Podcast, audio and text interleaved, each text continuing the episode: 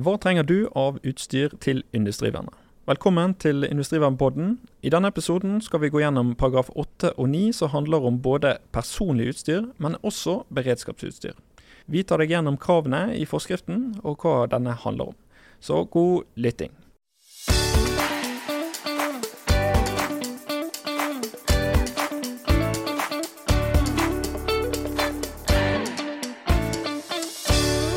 Velkommen til en episode om personlig verneutstyr og beredskapsutstyr. Og velkommen til vår spesialistrådgiver i CBRNE, Lars Tveiten.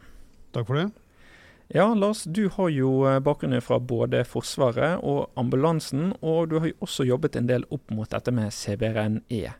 Du må jo ha prøvd en del eh, utstyr?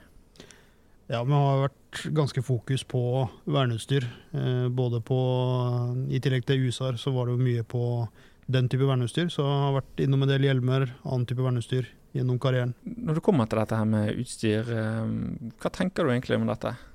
Nei, verneutstyr er en spesielt viktig del av egenbeskyttelsen til, til innsatsmannskapene.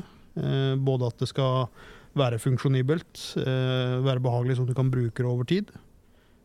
Og så gir det den første graden av beskyttelse, om uhellet skulle være til stede. Mm fra bakgrunnen din så må du ha gått med utstyr lenge og prøvd det i forskjellige situasjoner. og Det er viktig med godt utstyr. Det er veldig viktig med godt utstyr. Eh, fordi at hvis utstyret er eh, ubehagelig eh, og klumpete å bruke, så tar folk det av.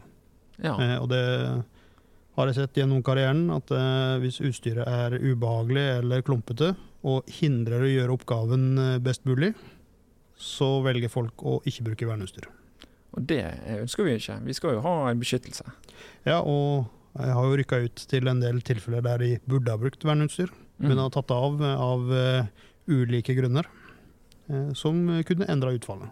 Ja, og det går jo på dette med personlig verneutstyr. og har, vi, har, vi, skal jo også snakke om dette med beredskapsutstyr. Du har jo vel, fra din bakgrunn, du har jo sikkert tatt en del i forskjellig utstyr. Er det, hvordan er det egentlig? Ja, det, og det krever kunnskap om det utstyret du har. Det som er litt dumt med beredskapsutstyr, er at det brukes ved en beredskapshendelse. Dvs. Si at når du er stressa, så må du ta i bruk et utstyr du kanskje ikke har trent så mye med, ikke helt vet hvordan det fungerer, eh, og så skal du fungere optimalt. Og Det blir litt vanskelig når du plutselig skal kunne det når du ikke kan det. Ja, eh, og det er ikke alltid at det er fancy utstyr som, eh, som løser dagen. Det er enkle tiltak og enkelt utstyr som eh, ofte blir brukt, og som kanskje har størst effekt. Ja, det Derfor er det viktig å øve på dette. her, og Det kommer vi tilbake til dette med paragraf 12, eh, da, øvelser. Utrolig viktig å lære å kjenne det man faktisk skal bruke utstyret til. da. Ja, og Det så vi jo i utarbeidelsen av spesifikasjon førstehjelp i arbeidslivet. Det som fikk inn der med at det skal trenes på virksomheten eh, med virksomhetens utstyr. At du er trent med det utstyret du skal bruke, er veldig viktig. Eh, for da fjerner du en usikkerhetsfaktor for mannskapene, som gjør at de kan fokusere på det de skal gjøre. Mm. Så øv på det utstyret du bruker til daglig? Ja, eller å øve på det utstyret du har i beredskap ja. når du skal øve. Mm, veldig bra. Så har vi to paragrafer eh, i forskriften vår. Det er paragraf 8 og 9. Hva sier egentlig forskriften om, om disse to paragrafene? Nei, Paragraf 8 er jo personlig verneutstyr. Um, og det er at det skal ha tilstrekkelig, altså innsatspersonellet skal ha tilstrekkelig verneutstyr, uh, som da gir tilstrekkelig beskyttelse under øvelse uh, og innsats. Mm. Dette er da type innsats som de har uh, gjort en risikovurdering på og forventa å kunne gjøre innsats. Mm.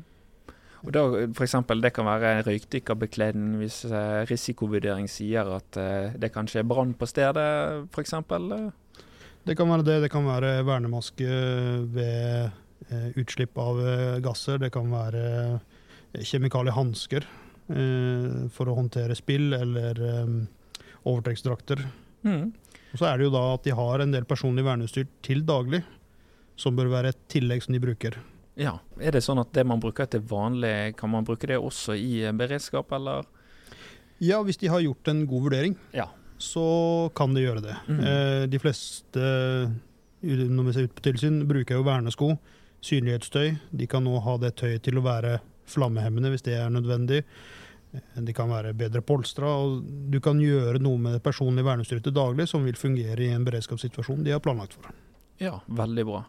Og så er det dette her med beredskapsutstyr. sant? Det, i, hva står det om det i forskriften? For der er det jo ganske mye rart, eller mye forskjellig?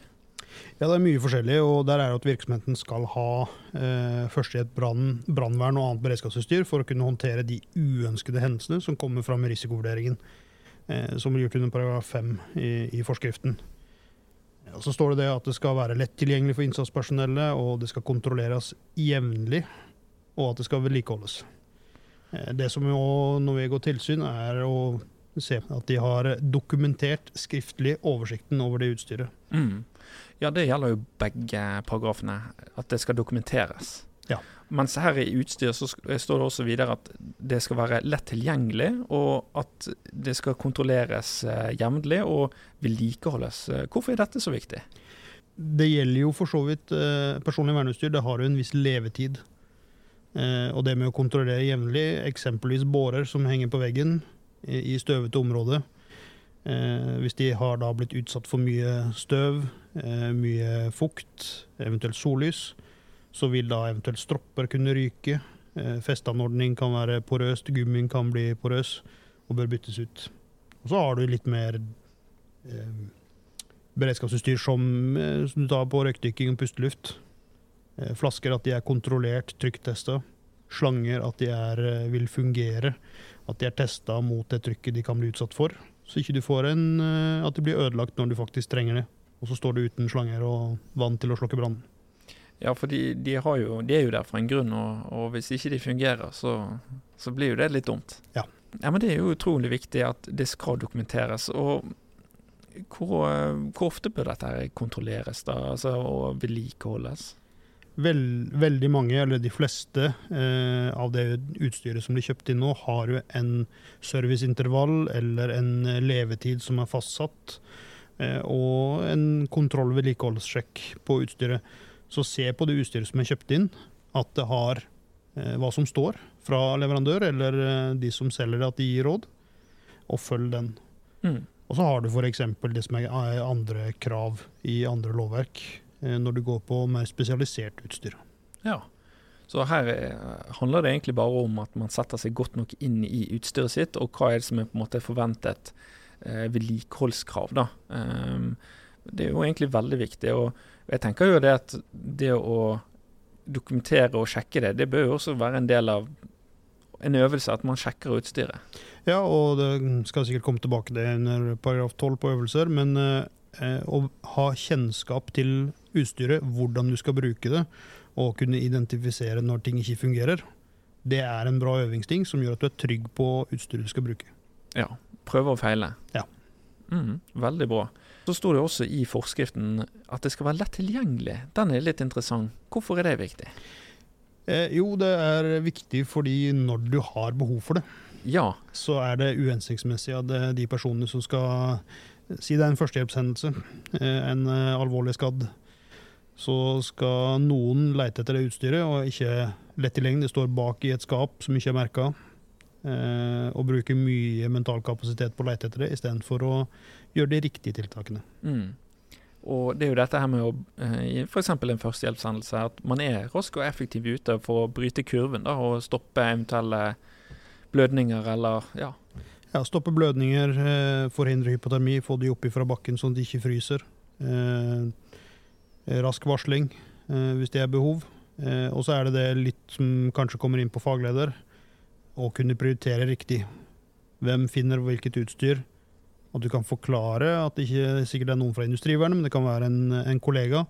At de òg kan forklare enkelt hvor det utstyret ligger. Mm. Vi går eh, ned mot landing. Vi nå, Lars eh, hvis, hvis du skulle trukket fram et typisk avvik eller en anmerkning på disse to eh, paragrafene, hva, er, hva kan det være? Nei, eh, for å starte med paragraf 8, så er det jo det at de har eh, for lite personlig verneutstyr, kan være et avvik. Eh, De har heller ikke dokumentert hvilket personlig verneutstyr som kreves for å kunne utføre den type innsats eller øvelse. Det som ofte, eh, for min egen del, da, eh, blir når det gjelder personlig verneutstyr, så har de ofte tilsvarende. i daglig drift. Så det er hvis det er ekstra personlig verneutstyr for å utføre oppgaven som industrivernpersonell. Ja, og eh, hvis du tar paragraf 9 da, Lars? Nei, der går det hovedsakelig på at de ikke har oversikten Ja. eh, over utstyret og hvor det er plassert. Eh, og det at det ikke er fulgt vedlikehold. De har ikke en plan for eh, vedlikehold og sjekke av utstyret. Mm, ok.